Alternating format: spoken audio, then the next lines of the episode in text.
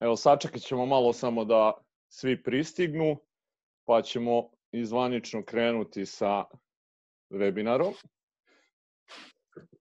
Polako dok nam se svi priključe. E, da vam ovako poželim dobar dan. E, dobrodošli na online konferenciju koju smo e, pripremili danas, koja nosi naziv Izazovi za lidere u kriznim situacijama i koja je na neki način organizovana da malo pokušamo eto da da podelimo jedni sa drugima neka iskustva, da malo pomognemo nekim ljudima koji su u teškim e, vremenima sada pogotovo ako su u preduzetničkim vodama.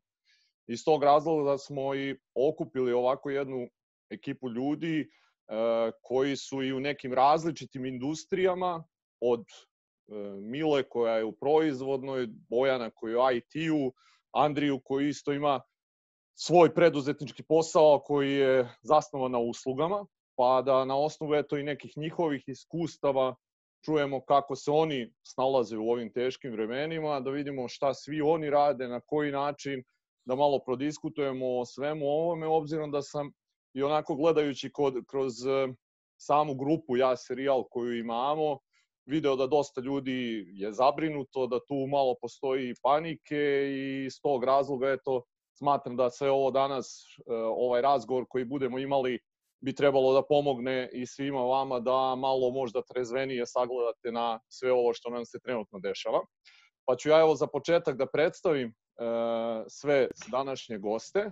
E, prvo damu, naravno, kao što redi nalaže, Mila Litvinjenko, vlasnica i direktor Kaure, E, kompanije koja je e, stvorila najpoznatiji kozmetički brend ovde kod nas, zatim Bojan Leković, isto osnivač i direktor jednog od najpoznatijih brendova uopšte isto koji imamo, kupujem, prodajem, i Andrija Gerić, bivši odbojkaški reprezentativac, olimpijski šampion i neko, kažem, ko je posle sportske karijere završio psihologiju, E, danas e, radi i sa sportistima i sa kompanijama.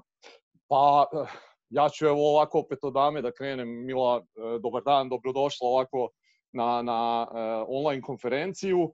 I za početak, evo tebi pitanje kako ste ti i tvoja kompanija najpre prvo reagovali na sve ovo što nam se dešava, jel postojala kod vas uopšte neka onako priprema, da li ste videli da sve ovo dolazi i kako ste se u ovim nekim prvim danima i nedeljama svega ovoga što nam se dešava prilagodili na celokupnu situaciju.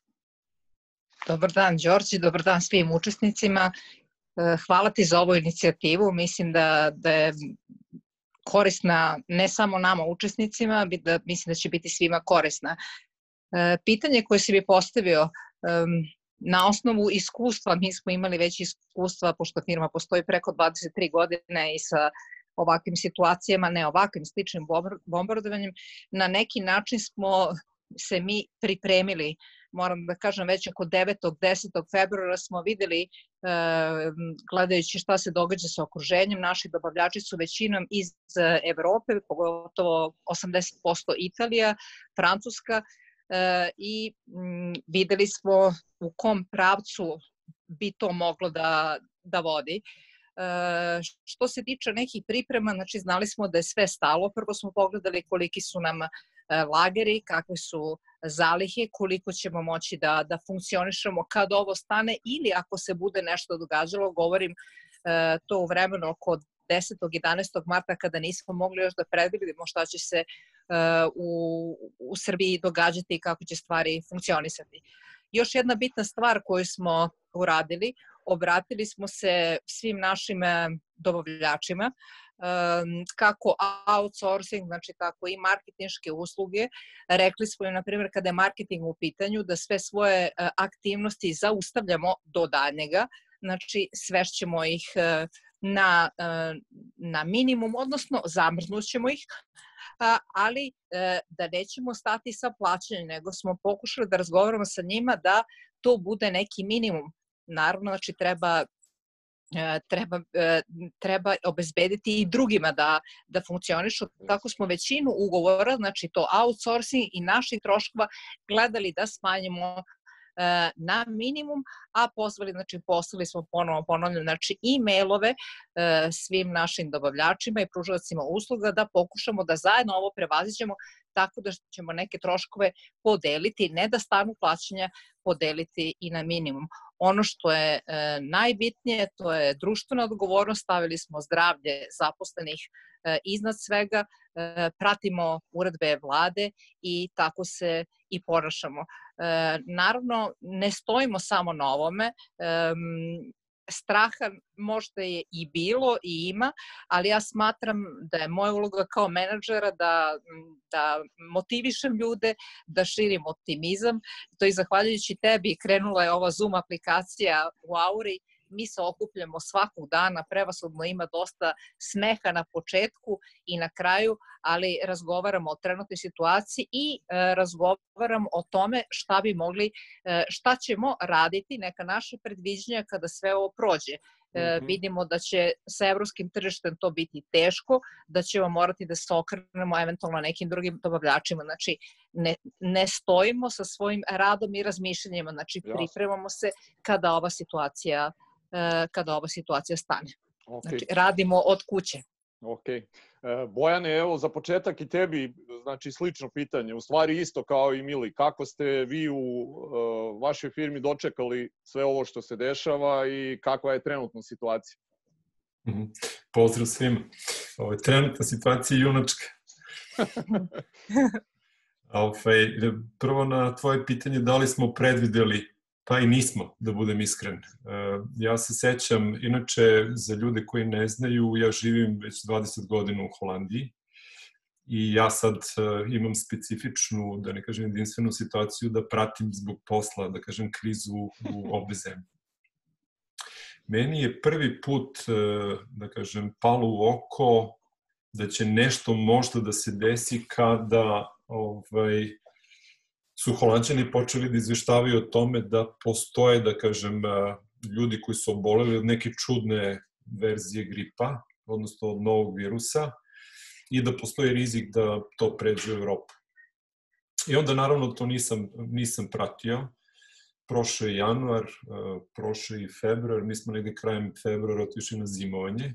Umeđu vremenu se zbilja, da kažem, epidemija proširila na Evropu već ja mislim da u Nemačkoj se desio prvi slučaj, u Italiji se ovaj, dešavali e, slučajevi obolelih, međutim opet ništa specijalno.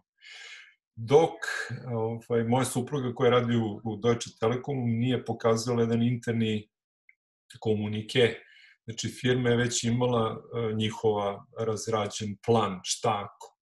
I to je, da kažem, bio prvi nama signal, to je recimo znači bilo krajem uh, februara, znači ne toliko rano, prvi signal da mi treba da ovaj, se spremimo za, za krizu.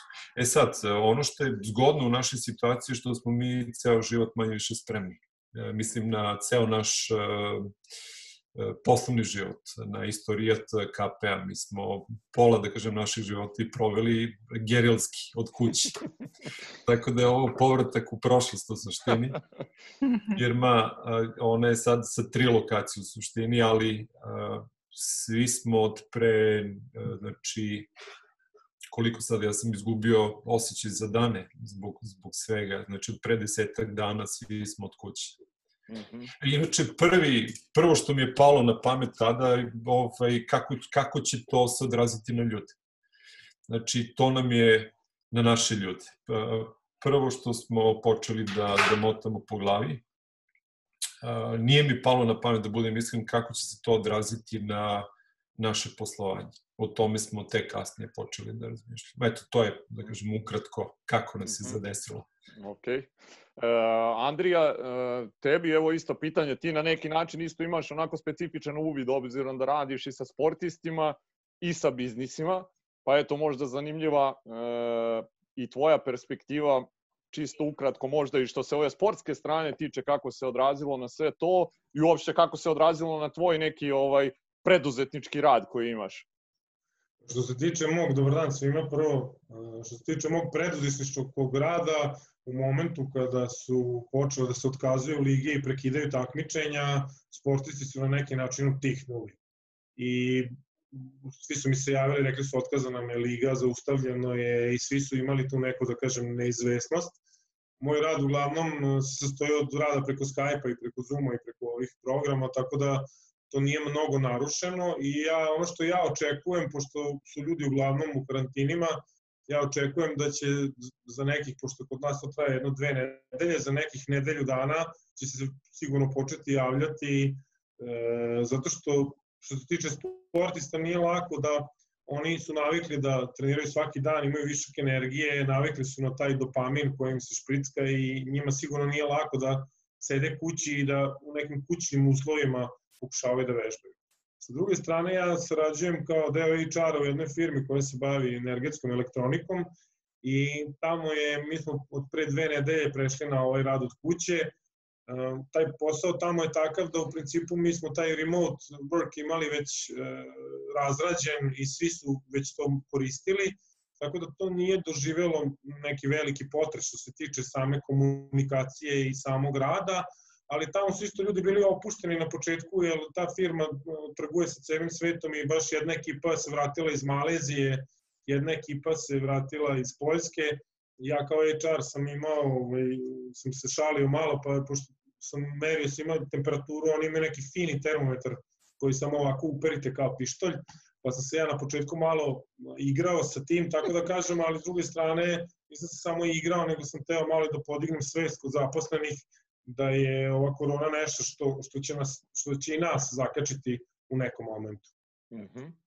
Ok, e, pre nego što e, postavim još jedno pitanje čisto za sve e, koji nas prate, imate na samoj aplikaciji Q&A opciju, tako da ako budete želeli da postavite možda neko pitanje, slobodno to pa ćemo mi negde u trenutku razgovora kad bude bio ovaj prigodan moment pokušati da, da svi gosti odgovore na ta vaša neka pitanja koja imate. E, Mila, e, reci mi sad kad, kad ovako govorimo, evo, obzirom da, da je i Andrija radi u nekoj IT e, kompaniji i da Bojanova kompanija je e, takođe u IT sektoru, ti si u jednoj onako specifično i, i recimo sad opet i oni imaju određenih izazova, mada se kao nekako podrazumeva da taj deo može da se radi od kuće.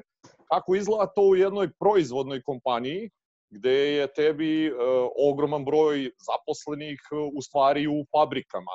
E, e, postoji li kod tebe i dalje proizvodnja e, i zanima me uopšte što se tiče nekih ono KPI-eva tvoje firme, kako to izgleda sve nakon ovih koliko već imamo od početka krize? Proizvodnja je radila do pre nedelju dana. Izvinjavam se. Gledali smo da napunimo lagere. Magacini su puni, to je ono što smo mogli da, da, da uradimo.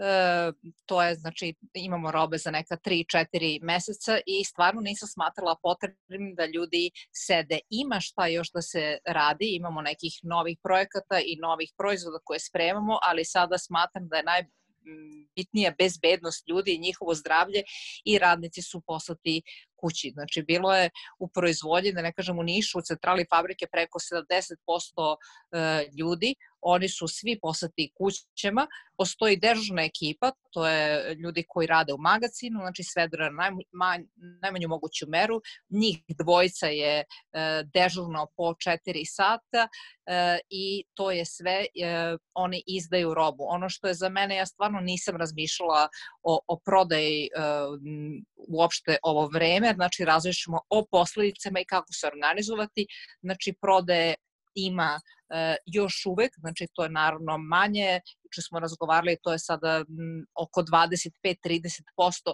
Mi nemamo parametra da to poredimo sa nečim drugim. Jednostavno to pratimo, pa nam to služi smenica neka za možda za naradne mesece, zato što ovi veliki lanci i dalje rade, pošto su oni i drogerije prodaju i lekove, mhm. i eto, dogodi se da, da dođe do, do prode.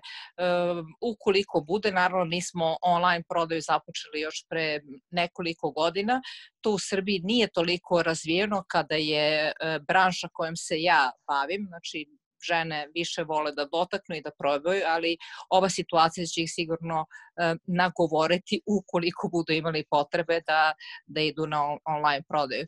Znači, i pripremljeni smo, Znači, pripremali smo se svih ovih 10 dana i svakodnevno, znači, i menjamo odluke znači, za, e, za ovu situaciju. Još jednom napomenula bi, znači, bili smo, pratili smo situaciju u Italiji, zato što nam je e, to glavni e, izvor sirovina. Videli smo šta se tamo ovaj, događa i onda, kažem, dnevno donosimo odluke, zavisno znači, od odluka vlade i rukovodimo se prema tome ali opet kažem, na prvo mesto je da i moja uloga kao e, menadžera i vlasnika firme držati e, optimizam, davati znači, prave informacije i gledati, gledati u budućnost.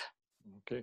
Bojane, slično pitanje i tebi, koliko je sad celokupna ova situacija, pretpostavljam da ste i vi ono pokušali da maksimalno e, rad koji imate da bude od kuće. E, je li to poremetilo značajno ili ne neke e, procese unutar same kompanije i e, kako recimo tvoj sad, tvoja uloga u svemu tome izgleda? Ti jesi na neki način zbog toga, kao što si već rekao, živiš u Holandiji neka tvoja komunikacija je, pretpostavljam, i bez korone izgledala da je tvoja komunikacija išla na ovaj neki način sa tvojim ljudima ovde u Srbiji kako to danas izgleda.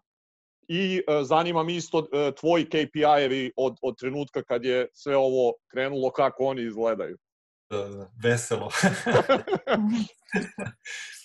pa čekaj prvo da se setim šta prvo da ti kažem. Znači, e, promena naravno postoji kod nas. Mi, sem kad smo bili baš mali u početku prvih pet godina i kad smo svi radili od kuće, od tog trenutka kad smo otvorili prve kancelarije, potpuno smo, da kažem, svoje radne procese upodobili, da kažem, radu iz kancelarije. Međutim, na svu sreću, mi smo bili na više lokacija, tako da smo faktički stalno praktikovali najbolju moguću praksu što se tiče online rada. Čak i između sebe. Čak i ljudi recimo unutar kancelarije imaju običaj da sastanke imaju koristeći Skype, Hangout ili što god. Tako da u tom smislu, na, sem, da kažem, e, tog e, možda u neku ruku iznenađenja za ljude da ćemo odjednom sad svi preći da radimo od kuće, baš svi, to je recimo nas ukupno 25 sa dva eksterna saradnika, ovaj, nije dovelo do nekih velikih promena za sada. Naravno, pratimo Znači, mm -hmm. vidjet ćemo, kriza je i vrlo interesantan period kad ti vidiš da si slab. Mm -hmm. I šta možeš zapravo, gde misliš da si slab, pa se plašiš, pa to izbegavaš, pa onda otkriješ zapravo i da nisi slab možda i da je to čak uh, i blagotvorno. Tako da ćemo testirati taj rad od kuće, testirat ćemo puno stvari ovaj, da, da vidimo da li to može i nakon krize. Jel? Mm -hmm. E sad, što se tiče a, naših KPI-eva, ima ih puno koje pratimo, naravno. Ključni su posete i oglasi. Oglasi s jedne strane a, pokazuju a, ono što zovemo supply push, koliki je, koliko ljudi imaju potrebe da se ovakve situacije oglašavaju. S druge strane, posete pokazuju koliki je animo koliko ljudi sad u ovakvim okolnostima imaju potrebe da traže neke stvari. I naravno, mi smo tu potpuno očekivano, da kažem, pretrpeli izvesan pad, to je negde 20%. Ehm, to je pre svega zbog toga, ali očekivano, je, zbog toga što u ovakvim okolnostima ljudi ne mogu da se bave drugim stvarima sem da misle o, da kažem, golom preživljavanju. Mm -hmm. Naravno, nije, nije dotle došlo, ali kad se kreira u medijima, da kažem, takva slika, što je donekli opravdano, znači neophodna je pozor, pozornost onda će ljudi prirodno da krenu da se bave samo, da kažem, pitanjima vezano za zdravlje, konzumirat će informacije koji su manje više isključivo vezane za korona krizu. I e, tako da se nama desilo su, suprotno, da kažemo, od onoga što se medijima dešava sada, oni imaju jako veliki skok, da kažem, saobraćaj, nama je u izvesnom smislu pao saobraćaj, međutim, krenuo je lagano da se vraća, što je jako dobro, što pokazuje zapravo da svaki fenomen kakav god daje ovaj, ima izvesno, izvesni rok i ljudi se jednostavno prilagođavaju i jednostavno sada već oni traže, da kažem, izlaz iz te situacije. Mm -hmm. I naravno, listanje oglasa je jako, da kažem, opuštajuća stvar. Ljudi kreću, da kažem, da se leče terapijski u tom smislu. Da, da. Do, super. Nas je, ne znam, samo još jednu stvar da kažem. Znači, imamo i specifičnu situaciju, mi smo kao platforma, da kažem, pre svega komunikacijona platforma, jer povezujemo ljude koji žele da, s jedne strane, jedni da prodaju, ljude ili biznis, a s druge strane oni koji žele da kupe ili imaju potrebe da kupe, da se nađu. I sad u ovakvoj situaciji ti imaš, da kažem, smanjenu potrebu za kupovinu, kao prvo. Kao drugo, imaš situaciju da ljudi, eto, mnogo više razmišljaju o zdravlju nego o bilo čemu drugom. Znači, više, više konzumiraju, da kažem, taj sadržaj. Uh, znači, nama je sad tu da kažem, bio izazov da sagledamo tu celu situaciju i u tom sagledavanju, naravno, morali smo da vidimo i naši partneri, da kažem, nezvanični šta rade, to su pre svega kurijske službe. Uh mhm. -huh. I onda smo ovaj, odnedavno dobili informaciju, naravno, kao i većina naših korisnika, da recimo Post Express, koji je dominantan igrač u Srbiji što se tiče tržišta kurijskih usluga, je presto obustavio rad. To je poštin, da kažem, mhm. deo na svu sreću sve ostale, da kažem, kurijske službe su vrlo brzo pohitale da preuzmu, da kažem, e, taj deo e, potreba i to se sada stabilizuje i zbog toga smo prilično sretni. Eto, to je recimo nešto što je u, u najvećoj meri obeležilo naš rad, da sumiram. Znači, privremeni pad saobraćaja zato što se ljudi bavili, da kažem, e, zdravljem i to im konzumira pažnju i činjenica da je, da kažem, tržište sada lagano, da kažem, očekujemo da će da se povrati, da bounsuje, mhm. uz naravno okolnosti da recimo jedna ključna kurijska služba trenutno ne, ne radi svoj posao, ali da druge, da kažem, vrlo brzo to preuzimaju. Mm -hmm. e, drago mi baš što si podelio i konkretno u procentima koliko su recimo vaši KPI-evi otišli na dole, obzirom da nekako, ja mislim, većina ljudi ima pogrešnu sliku da e, sve ovo što se događa ne utiče na IT kompanije, jer smatraju, eto, oni mogu da rade od kuće, pa ih to ne remeti. A pa nije stvari... tako. Evo, evo samo da, da dam primer. Znači, evo recimo u svetu velikih IT kompanija. Naravno, pitanje sad šta je IT sve. Znači, mi smo dobrim delom IT kompanija, ali dobrim delom smo i jedna, da kažem, e, e, velika platforma gde se dešava online trgovina, u suštini zbog veličine, mm. notene e, online trgovinska kičma Srbije. I nemoguće da nešto u društvu ovaj, prođe ili da se desi, a da nema faktički poslica po nas. Znači, mi smo svoje vrstno ogledalo društva.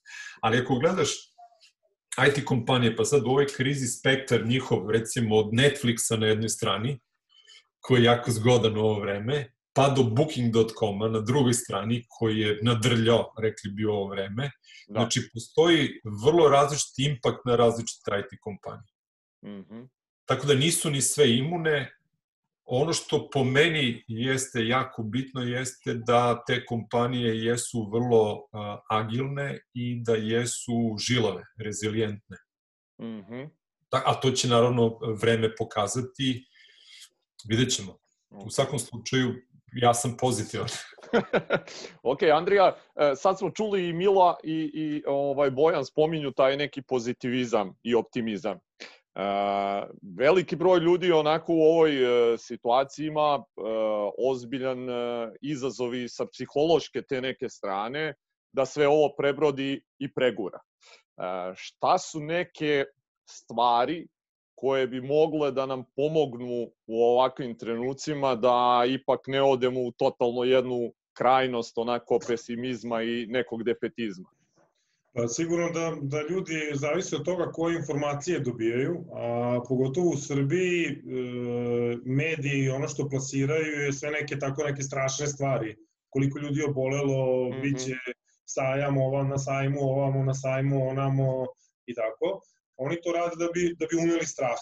Strah je opravdano uneti zato što pokazale su zemlje poput Italije i Španije gde su ljudi bili mnogo opušteni i nastavili da žive nekim normalnim životom, to je dovelo do, do ogromnog broja zaraženih i njihov zdravstveni sistem u stvari se urušio. Ali ono što je, su neke preporuke psihologa u, ovom, u, ovom, u ovim vremenima je da vesti prvo treba da se gledaju samo dva puta dnevno, jer -hmm. ništa vi ne se propustiti više od dva puta. A ostalo vreme treba da se posveti nekim drugim stvarima. U stvari vi, vaš mozak zaposlite da se bavi nečim drugim. E sad, mhm. u zavisnosti od toga u čime se bavite i kakve su vam preferencije, sigurno je preporuka da radite nešto na sebi. Imate masu sad ovih e, otvorenih kurseva i sve te velike platforme su otvorile besplatno kurse što se tiče jezika, što se tiče nekog mhm. usavršavanja, što se tiče nekog znanja, to je sa jedne strane a sa druge strane veliki izazov je po meni upravo to pistovanje na jednom malom prostoru, pošto vi kao porodica ste primorani da budete u stanu zatvoreni. I jako je tu korisno e, izdvojiti se i napraviti neki dogovor u, krugu porodice koliko vremena svako ima pravo da se osami i da bude sam. -hmm. Zato što ova, ova zatvorenost e, i karantin dugoročno, bar u Srbiji, u Holandiji, mislim da to nije tako, ovaj, će imati dugoročne posledice ako, ako ovaj, gledamo na, na psihosocijalnom život e, upravo tih ljudi koji su, koji su zatvoreni. Ali što se tiče kompanija, ako pričamo o tome, ono što je tu važno i u nekim pripremama za ovaj razgovor je vi imate tu neke tri strane. Imate jednu stranu zaposlenih koji su prvobitno veoma zabrinuti za, za, za sebe i za svoje zdravlje, a sa druge strane zabrinuti su za svoj status i da li će dobiti platu. Onda imate e, vlasnike firme, koje ste vas troje, i ja kao četvrti, koji su zabrinuti šta će biti, da li će preživeti moja firma, toliko sam ovo pravio, sad šta, kako se prilagoditi. I imate e, sa treće strane konzumente koji diktiraju stvari koji su sada u strahu, ne kupuje se ništa, kupuje se samo hemija i ovo za, za zdravlje, ali kao što je Bojan rekao, ljudi će se prilagoditi i počeće, počeće to da funkcioniše. Ono što isto jako važno da se naglasi je da ova korona nije atomski napad i radioaktivno bombardovanje koje će trajati hiljadama godina. Ako se budemo pridržavali mera, ovo će biće kraj. Znači imaće neki, neki tok koji će trajati dva meseca, tri meseca, ali u jednom momentu će stati. E sada kada stane, i ja bih volao to da pitam i tebe i, i tvoje druge ove, goste, šta će, šta će se onda desiti, šta će država onda da uradi, jer očigledno da država mora da pomogne privredi da opet pokrene stvari. Mm -hmm. Ok. Pa evo Mila, ovaj, ti si se malo pre i dotakla toga i rekla da vi već unutar kompanije razmišljate šta posle. Ovaj, kakva su neka tvoja očekivanja nakon, ovako kao što je Andrija rekao, kad sve ovo prođe, e, šta ti e, vidiš recimo kao svet nakon korone?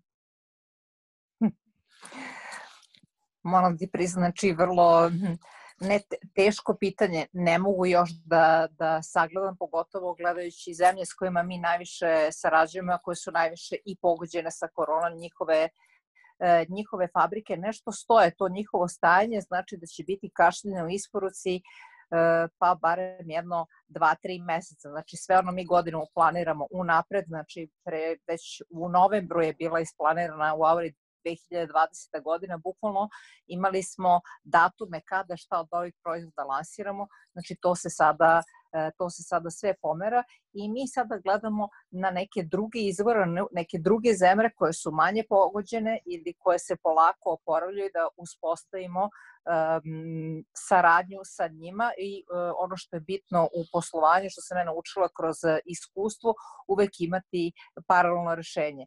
E, naravno, e, ja očekujem i da država izđe e, sa planom mera koje najavljuje za mala i srednja preduzeća i da vidimo kakve bi, gde bi mi tu mogli da se prorađemo i jednostavno šta koristiti i šta će predložiti.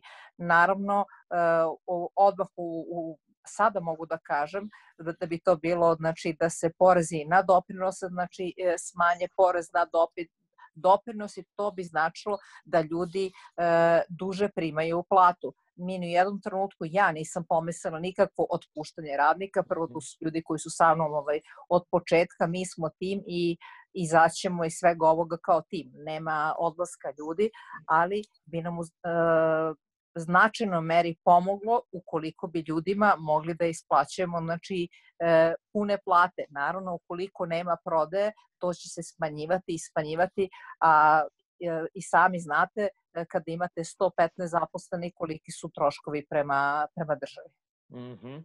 E, Bojane, e, ti si danas, ja mislim, baš izašao, je li tako, u nedeljniku tvoj tekst, onako optimističan, spasa nam mhm. ima, propasti nećemo.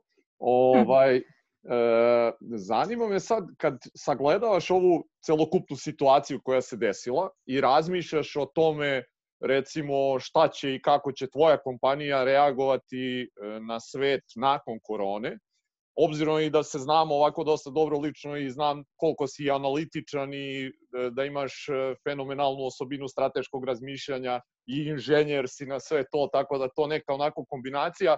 Šta su neki aspekti koje sagledavaš i na osnovu kojih se trudiš da dođeš do neke slike gde i kako će svet izgledati nakon svega ovoga i kako vi kao organizacija reagujete onda na, na to. Da. E, znaš kako, to opet moram da počnem sa pričom kako se nama zapravo to sve izdešavalo u zadnjih nekoliko nedelja. Znači, od one prve spoznaje dobio sam e, silnu potrebu da razumem šta se zapravo dešava. E, I e, jednom kad ti shvatiš zapravo okolnosti i kad razumeš, da kažem, težinu situacije, ti možeš onda i da napraviš neki plan.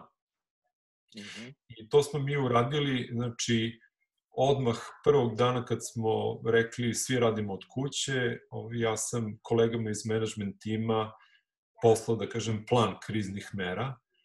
To je u neku ruku i slično ovom što je Mila rekla. Recimo i mi smo e, prilično stopirali sve marketing aktivnosti koje, koje smo imali e, i odlučili smo, naravno prodaja, nema nikakvog smisla raditi prodaju sad ovaj, u ovom, da kažem, periodu proda je dobila potpuno drugu ulogu sada, oni imaju za cilj da pomognu zapravo.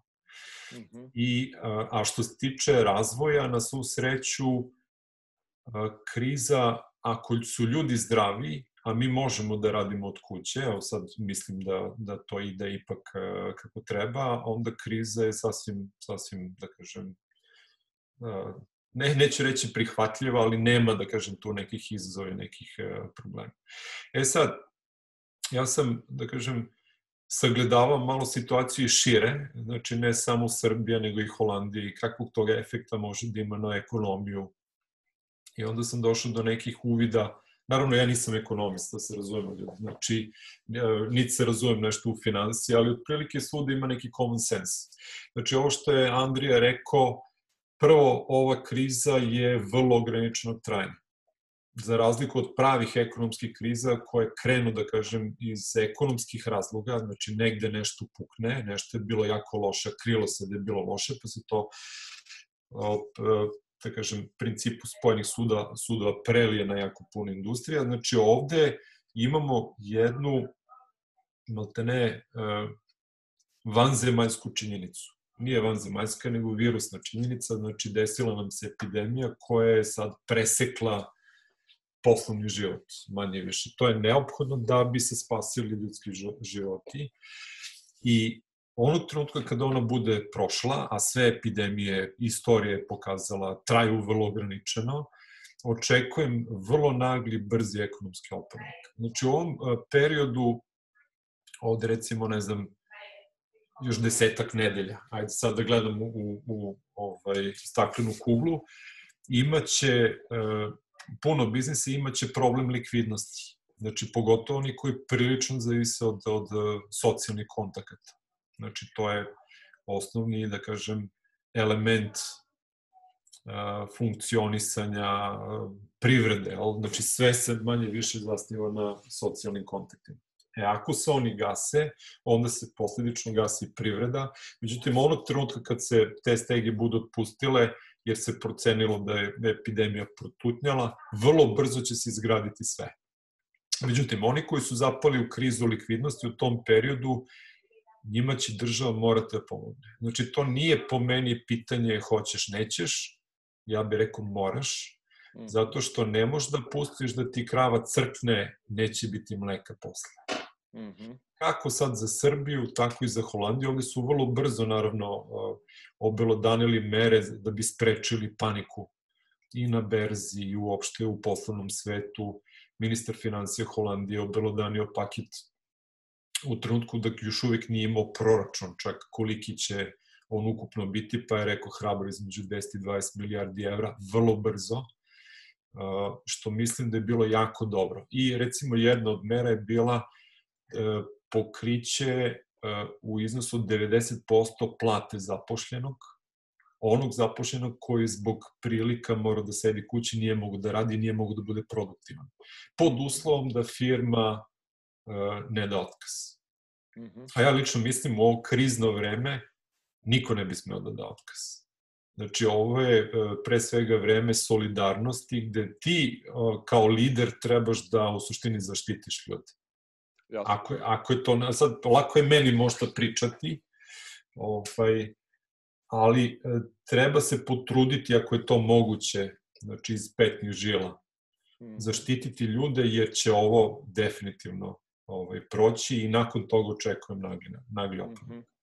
E, ja mislim, eto i Milo je to, taj neki optimizam i ulogu lidera uopšte, e, značaj lidera u ovoj ovakvoj krizi, e, da tek treba da dođe, ono što kažu, u dobru je lako dobar biti, da liderska uloga u ovakvim situacijama je jako značajna i jako je značajno da lideri kao takvi ostanu pozitivni. Sad, Andrija, recimo, zanima me šta je to iz tvog ugla sad ako govorimo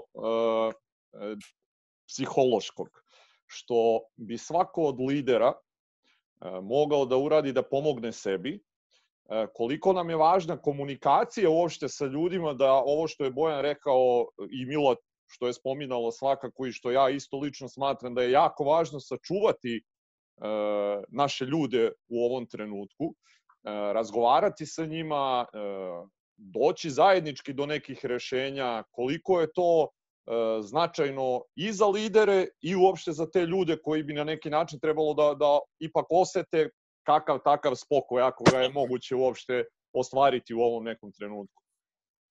Pa, prva stvar, mislim da lideri svakako treba da budu prisutni, možda ne fizički, ali kroz te sastanke, kao što je Mila rekla, da oni imaju svaki dan, znači preko neke platforme sastanke i da budu tu, jer to je jedna stvar. Drugo, taj koji je lider, on mora da bude smiren i da, da bar izgleda da zna šta radi. Možda to nije ni istina, možda on ne zna šta radi, ali mora bar da izgleda da zna šta radi. Zato što je on e, ljudima uzor, jer ako taj lider krene da paniči i krene da, da glumata, ljudi će to osetiti. I onda, onda mu neće verovati. E, sa druge strane, vremena krize su vremena kada ti u stvari pokazuješ svoje pravo lice. Jer ako si ti firma koja tvrdiš ja brinem za svoje zaposlene, to treba da pokažeš kada je kriza. Jer ova kriza na kraju šta će izvući? Ili će firma e, opstati ili neće opstati, ali ako ne opstane, neće niko opstati u firmi. Mm. I mislim da je jako važno da, da lideri budu otvoreni, da otvoreno kažu kakva je situacija. Jer ljudi jesu u, u bazi solidarni. Ako vi kažete, e, situacija je takva da primanja ćemo morati malo da smanjimo, ljudi strpite se, radimo o tome, niko neće dobiti otkaz, to je jedan način priče, a sa druge strane ako vi krenete da paničite i kažete propašće firma, šta ćemo sad, to je potpuno drugu sliku stvara kod tog zaposlenog. Jer, kao što smo rekli, ova kriza će proći i mm. onda kada prođe kriza, šta će onda biti? Hoćete ti ljudi ostati sa vama ili će otići? Jer ovo je moment kada su stvari, te veze najjače stvaraju. E, mm. Kako ka vašim zaposlenima, tako isto i ka klijentima. Jer ti ako danas klijentu nekom izađeš u susret, malo on će to zapamtiti, jer pomogu si mu kad je bilo teško. I mislim, kako to svi kažu, kriza su momenti s jedne strane kad je strašno, ali s druge strane to je mogućnost da vi prošite svoje tržište, proširite svoju da kažem, krug klijenata i da se drugačije pozicionirate. Jer ova kriza će firme koje nisu dobro napravljene i gde su stvari su jako labilne, te firme će vjerovatno neće preživeti, a dobre firme će preživeti i uh, biti još jače. Tako je bar u teoriji. Ja znam da je lako pričati u teoriji, a nije lako uh, pričati, nije lako u, u realnosti, ali činjenica jeste da je ovo moment gde lideri moraju da preuzmu odgovornost i da podele situaciju sa svojim zaposlenima i da zajedno dođu do rešenja. Možda će neki zaposleni biti pametniji. Ono što je mhm. veliki problem je kada je firma mali, kada lider misli da je on najpametniji i on donosi odluke bez ikakve neke konsultacije. Uh, zato je važno igrati otvoreni karate, kao ponavljam, ljudi su solidarni, to će razumeti, bar ja tako mislim. Ok. E, Mila, šta je tebi, recimo, kako tvoja dnevna rutina danas izgleda? E, šta je to što je tebi fokus sad u toku dana? E, prvo, slušala sam pažljivo Andriju i apsolutno se slažem sa svim što on rekao. Ja krizu vidim kao mogućnost da budete, da budete još bolji i da ljudi vide ko stoji, e, ko, ko stoji na čelu firme, a tu ne mislim samo na sebe i na menadžere. Ono što, pre nego što kažem kakva mi je rutina, kazat ću da ti naši sastanci su, gledamo da veoma su veseli, e, mi se i družimo, tu se uključuju i porodice, to, to izgleda onako simpatično, ali ono što je veoma bitno, to je jedno transparentno e, poslovanje svi moji ljudi iz menadžmenta znaju sve informacije, zna se kolika je e, prodaje, koliko ima novce na računu, koliko ima sirovine repromaterijala, tako da ništa ne može da bude iznenađenje. Mi smo se i na početku dogovorili, radit ćemo ovako, koliko ima, um, delit ćemo. Tako da panike, mislim da u celoj firmi, ne govorim samo u menadžmentu, ovaj, uh, menadžer ima zadatak da to uh, prenese na ostali deo zaposlenih. Znači, tako da mislim da tu panike nema. E, ja smatram da je moja uloga, e, mi smo preživeli, e, ne mogu da kažem, sličnu situaciju, ja je preživela bombardovanje pre mnogo godina i prošli smo kroz to bez ikakvih otpuštanja. Koliko je bilo, naravno, nije se, nije funkcionisala proizvodnja, bilo je nečega na lageru, ja sam lično samo po Srbiji, interesantno je to malo da, da su se farbe prodavale za vreme bombardovanja, interesantan je i taj fenomen žena koje u najtežim momentima, znači žele da izgledaju dobro. Farba je interesantna i ono što još potiče iz franskog drugog svetskog rata, znači žena voli da ima ruž na ustima, pogotovo crveni ruž. Znači to je daje neku sigurnost, um, veru um, i snagu. Tako da žene ni u najtežim momentima uh, ne odustaju od šminke. Znači, e, iskustvo sa, sa kriznim situacijama imamo, ovo je naravno nešto novo, ono što je moj glavni zadatak, e, nikakav strah, znači jedno otvoreni, otvor, otvoreni razgovori, znači ja nemam nikakve, e, nisam ja tako je samo da ne kažem deli pamet, ja slušam sve svoje saradnike, znači više glava ovaj, e, bolje razmišlja i mislim da je tako najbolje. Znači, ne može da se dogodi iznenađenje. Oni u svakom trenutku znaju uh, kako mi radimo i kako stojimo. Uh, kako izgleda dnevna uh, rutina? Moram da kažem, znači, mi u toku prethodnog dana, uvek kažemo ono posle vesti, kada budu vesti, dogovorimo se da se ujutru čujemo, ne mora to da bude e, ceo management, tu može da bude dvoje, troje nas, a onda recimo u toku dana se uključi nas osmoro, devetoro i razgovaramo o o tekućem danu, šta i kako i naravno mi, uh, i mislim da je to dobro, uh, mi se ponašamo u nekih 15-20 minuta uh, mi smo već recimo dva meseca, tri meseca e, ispred i razgovaramo o proizvodima i o tome šta ćemo dalje raditi. Mislim da je veoma bitno za psihu ljudi, znači nema, uh, uh, ako pominjemo trenutno u pandemiju, znači govorimo samo da, da li se svi čuvaju, da li se ponašaju kako treba, znači dalje se o tome ne razgovara, uopšte ne idemo na te viceve o korone i tako dalje, gledamo znači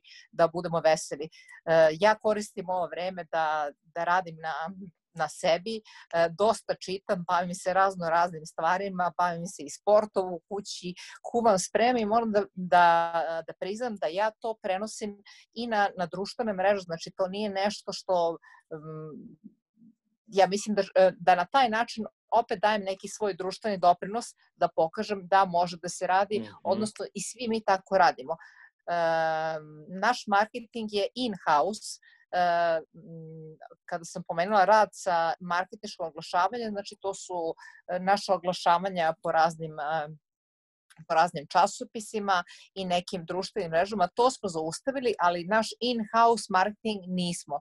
Znači, ali on nije fokusiran na naše proizvode, e, trudimo se da širimo neku lepu energiju, da dajemo ljudima neke nove sadržaje i evo to smo juče baš na sastanku ovaj, razgovarali o tome šta bi mogli preko društvenih mreža da je pustimo više onako edukativnog, ovaj, edukativnog karaktera. Naravno da tu postoje e, i postavi e, naših korisnica koje mi ovaj, objavljujemo, ali znači gledamo da se održi jedan onako pozitivan duh i ja mislim da su moji zaposleni e, sigurni da nemaju, da nemaju bojazne. I to je moja uloga kao menadžera. Ok. E, Bojana, imamo pitanje ovde, e, Bojana Ivanović je postavila. E, kada pobedimo virus, koliko će biti potrebno vremena da se vrati sve na staro i kada krenuti sa reklamiranjem? Šta je tvoja neka procena da budem iskren, ne znam ja tačno kada će se ali imam nadu. Ja sam prilično optimističan. Ja mislim da će situacija vrlo brzo nakon prestanka epidemije da se stabiliše, zato što će ona krenuti na bolje i pre nego što stane epidemija. Znači, mi ćemo u datom trenutku početi da dobijemo pozitivne signale. To su obično brojke. E, to je, da kažem sad, problem uh, kaže Andrija, treba vesti gledati dva puta dnevno, ja nažalost moram češće da ih gledam, da bih eh, hvatao te pozitivne signale, da bi na osnovu njih mogao da procenim sada kada će to zbilje da se desi. Zato što jednom kad krene, da kažem, da bude na bolje, sve na bolje, onda kreće taj, da kažem, oporavak i onda je jako zgodno uloviti taj, da kažem, voz oporavka. To je kao kad, recimo, imate, vozite auto pa ste došli negde na nizbrdicu pa id, padate, idete niz nizbrdicu, hvatate ubrzanje da bi se popeli posle, tako.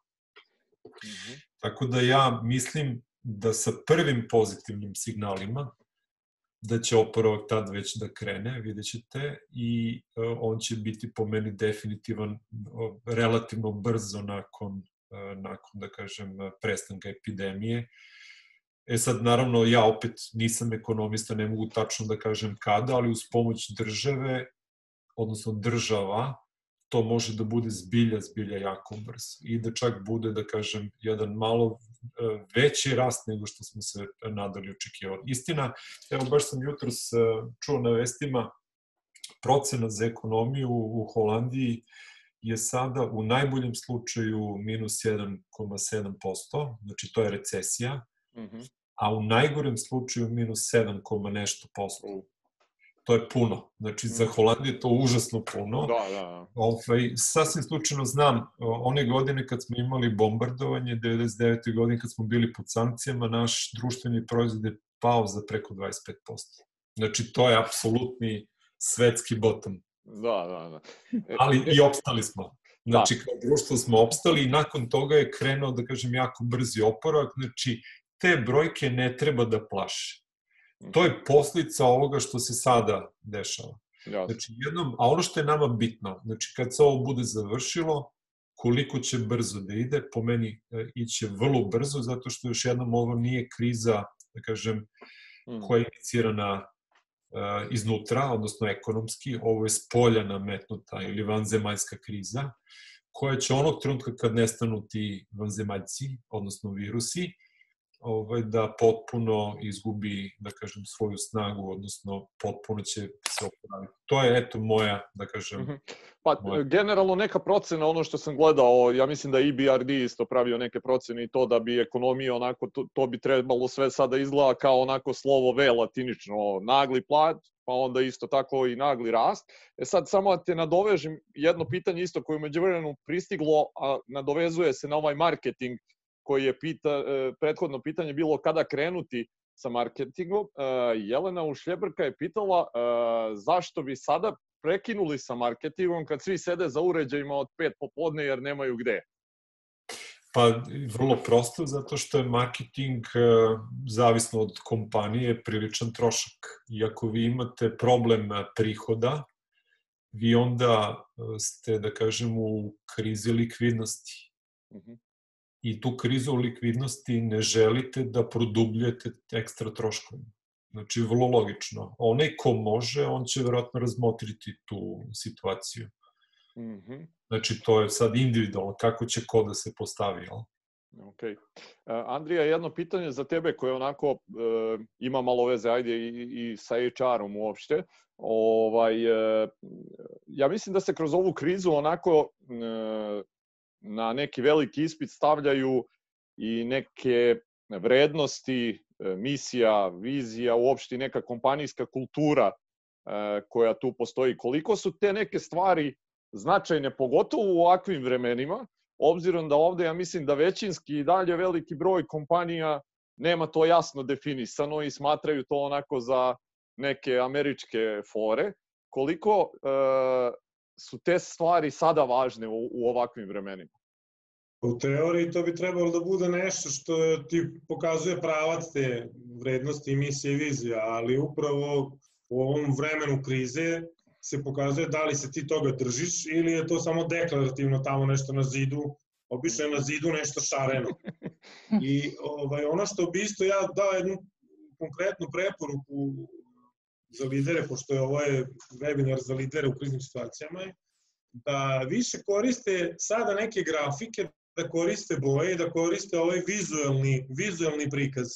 Jer kada su ljudi pod stresom i kada su opterećeni, oni jezički deo da obrade u svojoj glavi im je mnogo teže, a kada oni vide neku sliku, na primjer kao što ti rekao, očekuje se da će biti V mhm. curve, ono, mm -hmm. i da će mhm. Q2 biti veoma loša, ali posle Q3, Q4 će biti super, da to i prikažu grafički. I sve što imaju da prikazuju grafički, onda ljudi mnogo bolje razumeju poruku. To je mhm. jednostavno zbog toga zato što nam mozak tako radi kada, kada, smo, kada smo mi pod stresom. Jer činjenica jeste da su danas zaposleni i svi smo mi pod nekom vrstom stresa i nekom vrstom traume i lider je taj neko koji treba to na neki način malo da, da olabavi, da, da ti kaže, e, bit će dobro, izdrži sad, bit će posla ok. Da se vratim na te vrednosti i na misiju. Naravno, vrednosti treba da, da ostanu iste, možda sada neka kratkoročna misija treba možda malo da se promeni i možda neki, neki biznisi mogu malo da se preorijentišu, kao što je rekao Bojan, ne radi neki od kurira, ok, onda ćemo se preorijentisati na nekog drugog. Zato što, kao ja ponavljam, u vremenima krize ljudi se pokazuju i firme se pokazuju kakvi zaista jesu i ljudi pokazuju svoje pravo lice Ono što je moja poruka ovim učesnicima je sad pokažite vaše ono pravo dobro lice, jer po tome će vam posle e, će vas ljudi zapamtiti. Mm -hmm. Okay. Da, ali ovde, pazi, ja bih teo da dodam tu jednu stvar. Znači, ovo je pravo vreme možda i za štelovanje te vizije. Jer ova kriza će doneti nešto i pozitivno, kao i svaka kriza. E, dovešće do masovne edukacije ljudi što se tiče korišćenja recimo online tehnologije. Znači, mm -hmm. desit će se jedan izuzetan digitalni zamajac. Ubrzat će se uh, mnoge stvari koje su uh, kod nas ili bile jako spore ili čak tapkale u mestu. Evo, recimo, zadivljujuće da je vlada Srbije uspela da bukvalno u roku od par dana podigne platformu za učenje. Znači, kad bi se to desilo da nije, da nije bilo kriza? Da, da kada bi ljudi krenuli sad da masovno razmišljaju o poručivanju online? E, kada bi ljudi sad počeli kada bi ljudi inače počeli da razmišljaju da svoj biznis uh, guraju i preko interneta, da nije došlo do, da kažemo, ove krize. Tako da, puno će vrlo interesantnih ideja da se rodi. Ljudi će videti da ono što je uh, možda bila opasnost ili slabost, ni najmanje nije opasnost, odnosno slabost, nego da može da bude prilika za, da kažem, rast i jakost i mislim da će ovaj, upravo to da vodi novi rast odmah nakon krize. Mm -hmm. Ok, e, Mila, pitanje za tebe od Gorana Babića. Da li ste našli adekvatan posao koji radnici koji rade u proizvodnji mogu da rade od kuće ili oni trenutno ne rade? Oni trenutno ne rade. Ja moram prvo da vam kažem, znači Aura posluje po GMP standardu, e, znači to je standard koji važi u farmaceutskoj industriji. Znači oni isključivo u takvim sternim uslovima mogu da rade. Ništa od kuće ne može da se radi. Znači Aurina proizvodnja, s obzirom da su svi proizvodi registrovani u Briselu, znači postoji agencija koja garantuje za nas da je svaki proizvod e, proizveden po GMP standardu. Znači, oni ne mogu van kuća e, ništa da rade kada je u pitanju naša delatnost. Znači to se kosi sa pravilima firme i e, ne bi smeli s obzirom na registraciju znači, koju naši proizvodi imaju u Briselu da bi mogli dalje da se izvoze.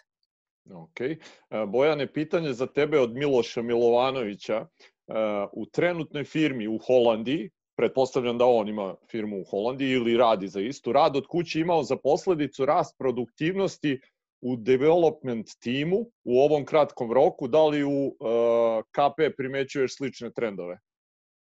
Za nas još uvek kratko, ne mogu da kažem. Mi se razlikujemo od uh, velike većine IT firmi zato što, uh, da kažem, naš IT development je interno orijentisan, ne eksterno. I to ima za posljedicu, recimo, da mi nemamo registraciju vremena kao što velika većina IT firmi ima, jer na osnovu te registracije vremena ide fakturisanje klijentu s polja. Mhm. Tako da u tom smislu, da kažem, mi smo potpuno prepušteni da kažem, veri koji imamo u naše ljude da će oni kod kuće raditi efikasno ili čak možda i bolje nego što su radili unutar firme, jer jednostavno ne, ne teramo nikog da upisuje svoje radno vreme na kraju.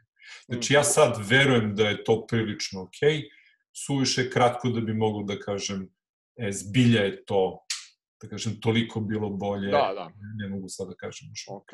Andrija, neki savet, e, Sanja Vučković je postavila pitanje, neki savet kako se postaviti prema uspaničenim zaposlenim kolegama koji su na drugom kraju sveta?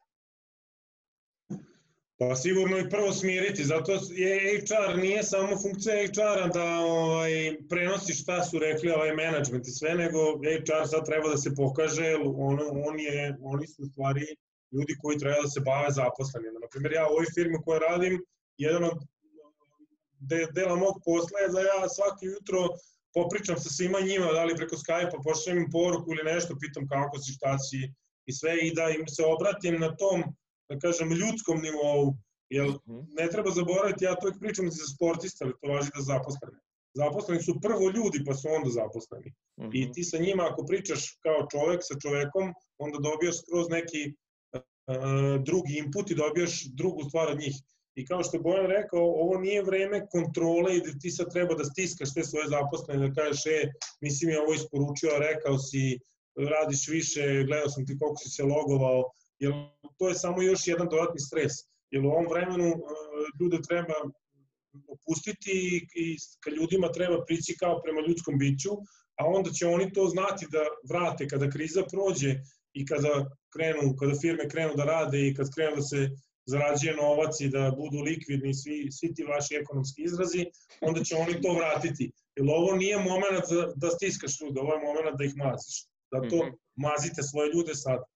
Ok. E, Mila, e, Goran se nadovezao na, na ovaj prethodni odgovor koji si dala. E, mislio je više e, ne na proizvodnju, nego da li oni možda rade neke druge stvari, e, tvoji radnici iz proizvodnje koji su sada kućama. Da li možda e, kreiraju neki sadržaj, da možda ispričaju svoja iskustva o kompaniji, proizvodnji ili tako neke stvari. Znači, e, mislio je ne konkretno da li oni sad neku proizvodnju od kuće mogu da rade, nego više eto da li uopšte imaju bilo kakve obaveze ili su jednostavno onako ovaj bez ikakvih obaveza? E, ja moram pre svega da kažem um, iskustvo pre, m, za, za vreme bombardovanja.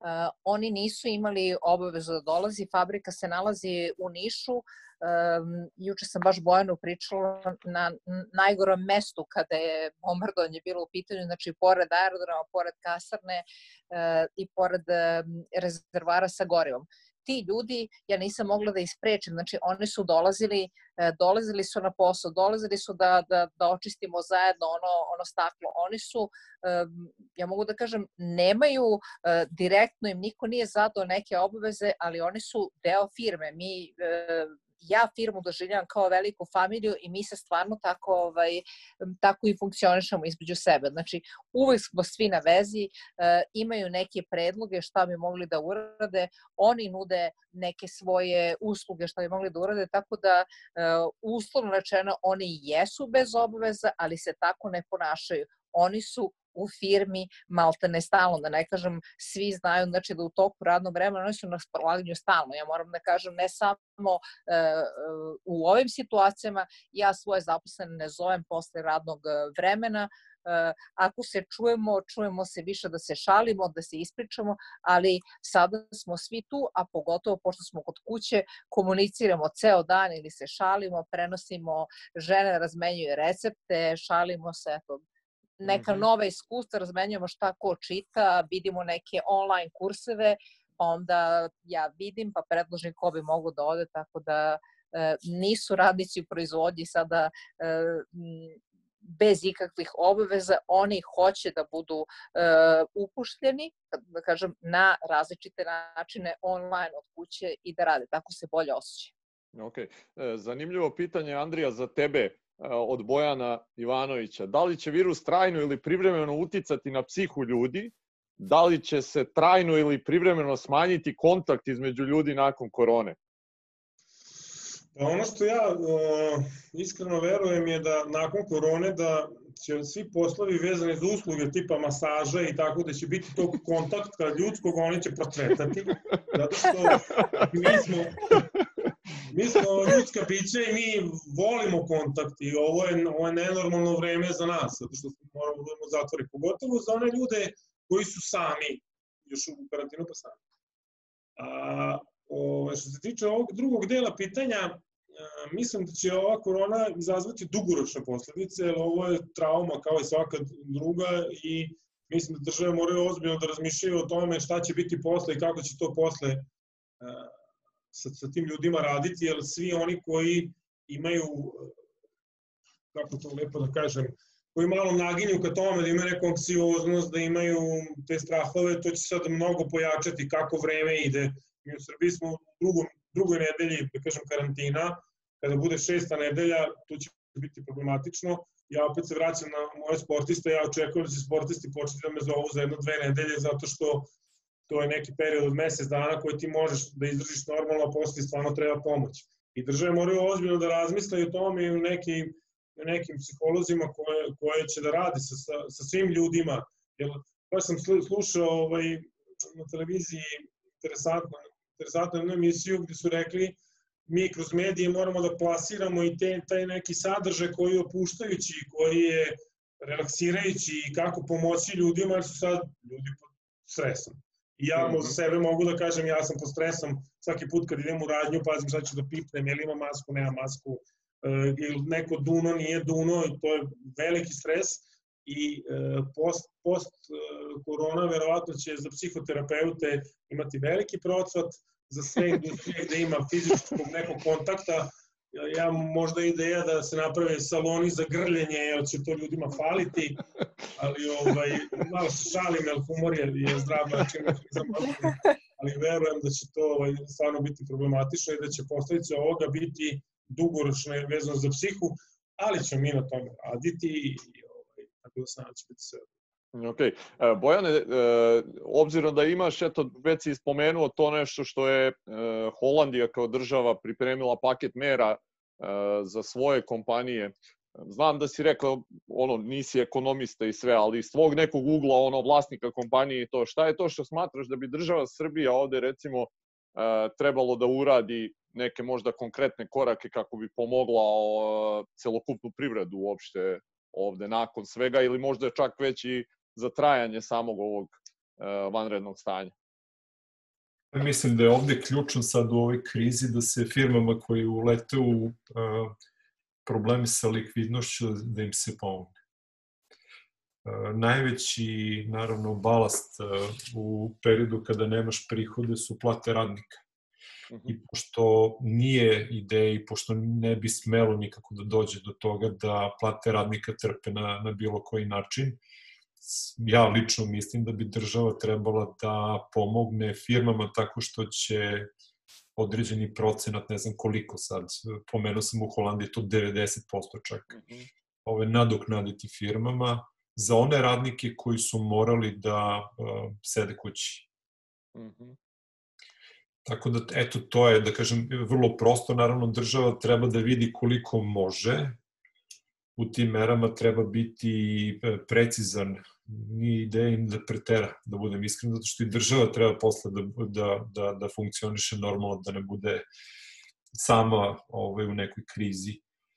Uh, međutim, ja mislim da postoji veliki prostor zato što je ekonomija u Srbiji prilično dobro radila, kao i u ostatku Evrope. Imali smo značajan rast, bankarski sektor jako zdrav, ima jako puno novca, koji je pre same krize plakao da bude negde plasiran.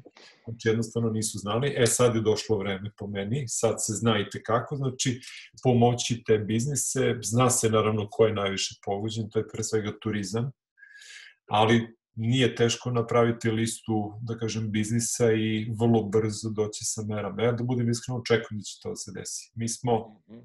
znaš i sam, kao uh, Holandsko-Srpska poslovna asocijacija zajedno sa još 11 drugih uh, asocijacija u Srbiji poslovnih, bilateralnih, uputili pismo vladi i tražili da što pre izađe sa programom mera za, za malu i srednju privredu. Znači, jako je bitno, ovo što je Andrija pomenuo, komunikacija jako bitno u krizna vremena, da si u ovom smislu, da kažem, država oglasi, Oni za sada po meni e, rade jedan dobar posao u ova krizna vremena. Ja sam imao prilike da pratim i, i u Holandiji i u Srbiji i za sada mi se čini da ovaj, rade jedni drugi odličan posao, pri čemu da kažem za Srbiju čak imam malo više poverenja, jer sam ovaj, sklon tako kad se dese neki napadi van zemaljaca da verujem da su Srbi onako da kažem, kultura koja bi se pre odbranila nego Holandže. Znači, Srbi kao majstori improvizacije da, da. pre skloni da, da kažem, reše problem u tom slučaju nego Holandže.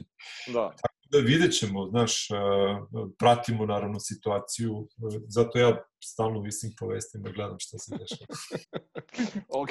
Mila, e, e, ti ovo već si spomenula, e, prošla si i bombardovanje i svašta nešto i firma postoji preko 20 godina i većina ljudi onako nekako smatra da e, pod znacima navoda da velikim firmama ovaj, je ova kriza kao laka. Lako je njima, oni imaju i rezerve i, i ja sam skoro baš iskoristio jednu analogiju, rekao sam to, to je ono što kažu isto kao i sa decom, ovaj, mala deca, mala briga, velika deca, velika briga. To je negde slično i sa firmama.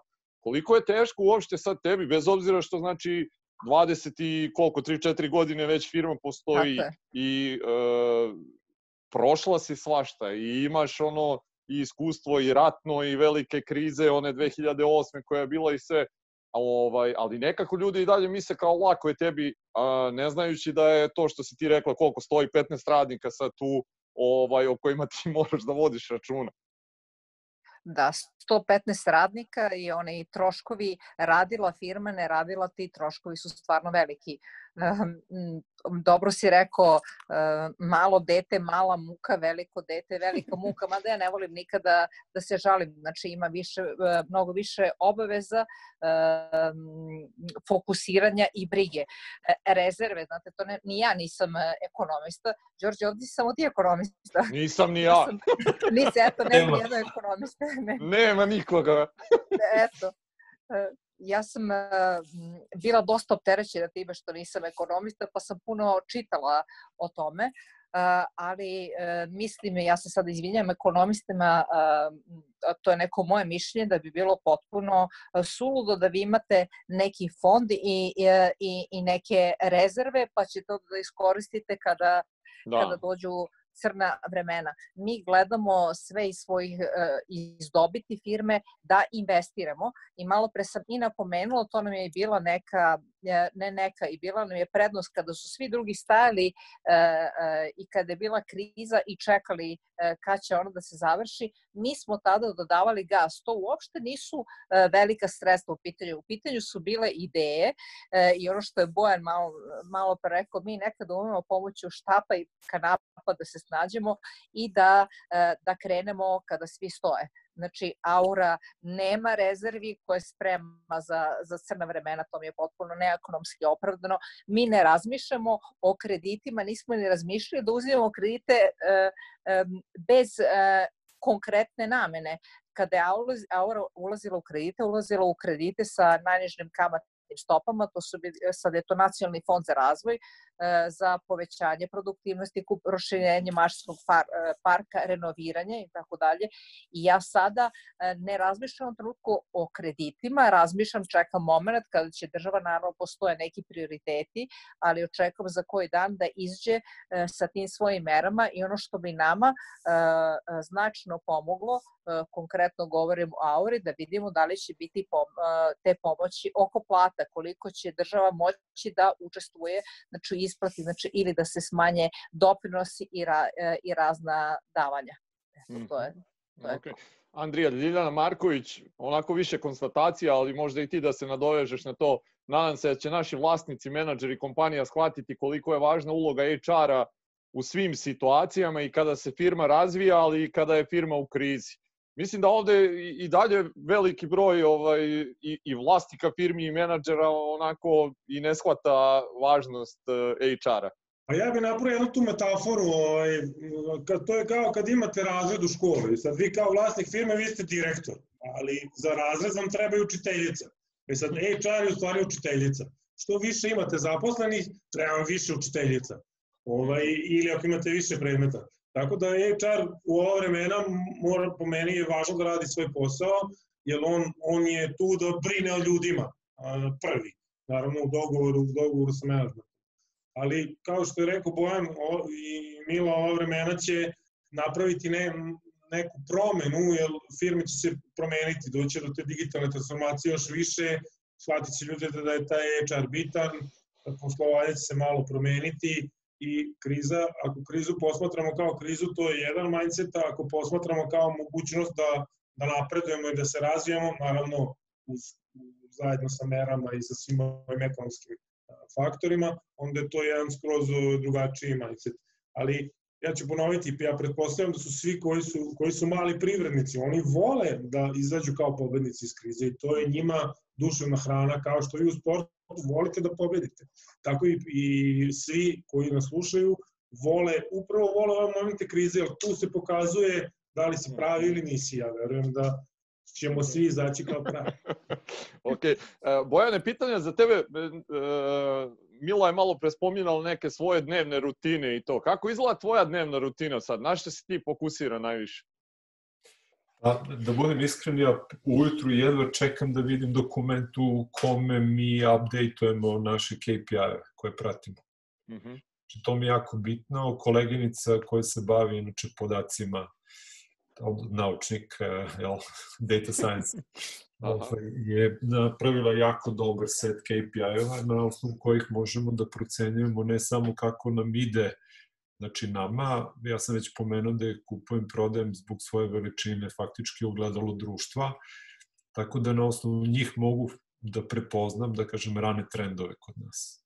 Mm -hmm. Kad kažem kod nas, mislim u našem društvu, tako da mhm. to mi je jako bitno da ove se gledam te trendove, malo se čujemo, onda pričam o njima mm -hmm. i naravno sa kolegama pričam o projektima koji idu kod nas. Znači, razvoj nije stao. Jednostavno, to što sada imamo neobične okolnosti da ljudi rade od kuće i što naravno moramo bolje da komuniciramo vezano za te neobične okolnosti, da ne bi neko sad bio u nekoj krizi, da kažem, ličnoj. Ne bi smelo da nas puta, odnosno ne bi smelo da projekte na kojima radimo mhm. ovaj, da, da stopira. Tako da mi u toku dana imamo sastanke vezano za te projekte. Umeđu vremenu, kako se desi neki novi uvid, nešto delimo. Znači, to je jedna vrlo živa komunikacija, dobijem u toku dana na stotine različitih poruka. Jel ima više, e, izvini što te prekidam, jel ima više obaveza sad ili e, pre ovoga, pre krize? Pa, ima, sad ćete reći, zato što je ovo jedan malo drugačiji režim nego što smo mi navikli. Znači, mi smo, kao i holandžani, easy going firm. Znači, nema, ne smije da bude žurbe oko nečega, jer postoji strah tako radiš u žurbi i napravit ćeš neki karambol i tako. Mm. Tako da sam ja, znači, zajedno sa kolegama izgradio, svi mi zajedno smo to uradili, izgradili smo jednu interesantnu kulturu u kojoj ti faktički ne deluješ pre nego što imaš plan. Međutim, ovo je sada malo poremetilo zato što je kriza ti moraš sad da ideš po instinktu, ti moraš da ideš mnogo više, da kažem, direktivno nego inače. Nemo mi tu puno sad, barim što se tiče stvari koje su vezane za ove dnevne e, događaje, prilike za neko planiranje, recimo ako treba nešto da se uradi, onda to radimo jako brzo. Proveravamo koliko smo, ovaj, koliko smo agilni, naravno, kao firma, zato što smo jako dugo bili uh, jednostavno dali sebi otuška, oduška.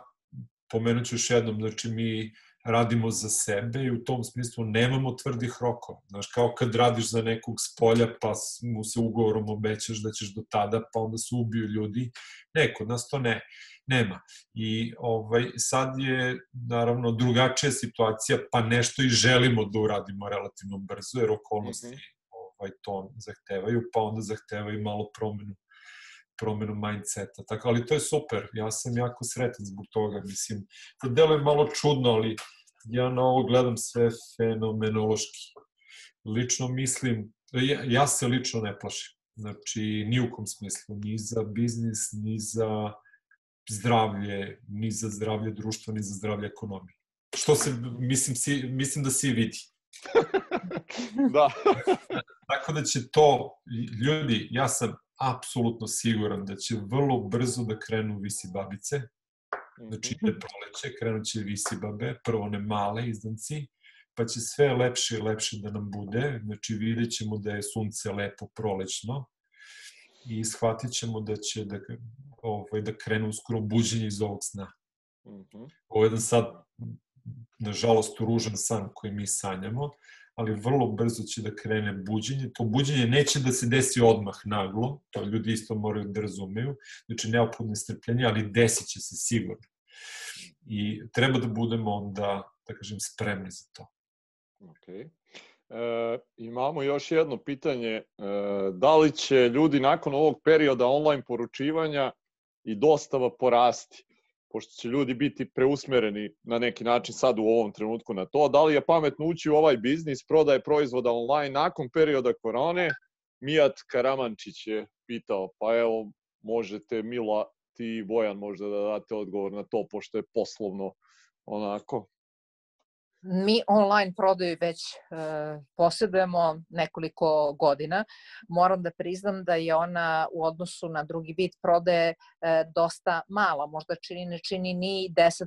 Mislim da će ova situacija, mislim da je to uopšte da su navike u Srbiji u odnosu na na e, druge evropske zemlje mnogo drugačije, koje mnogo više kupuju online, da će tu doći do, do velikih promena i da će taj segment značajno porasti. Naravno, ja svako jutro pratim situaciju, znači kakve i vidim da je tu tendencija onako blagog rasta. Naravno, ova prodaja koja se događa i minorna, znači ja to čisto pratim da vidim, nemamo takvih iskustva da vidim šta se događa u ovoj situaciji, ali mislim da će online e, Srbija, online prodaje u Srbiji posle ove pandemije porasti.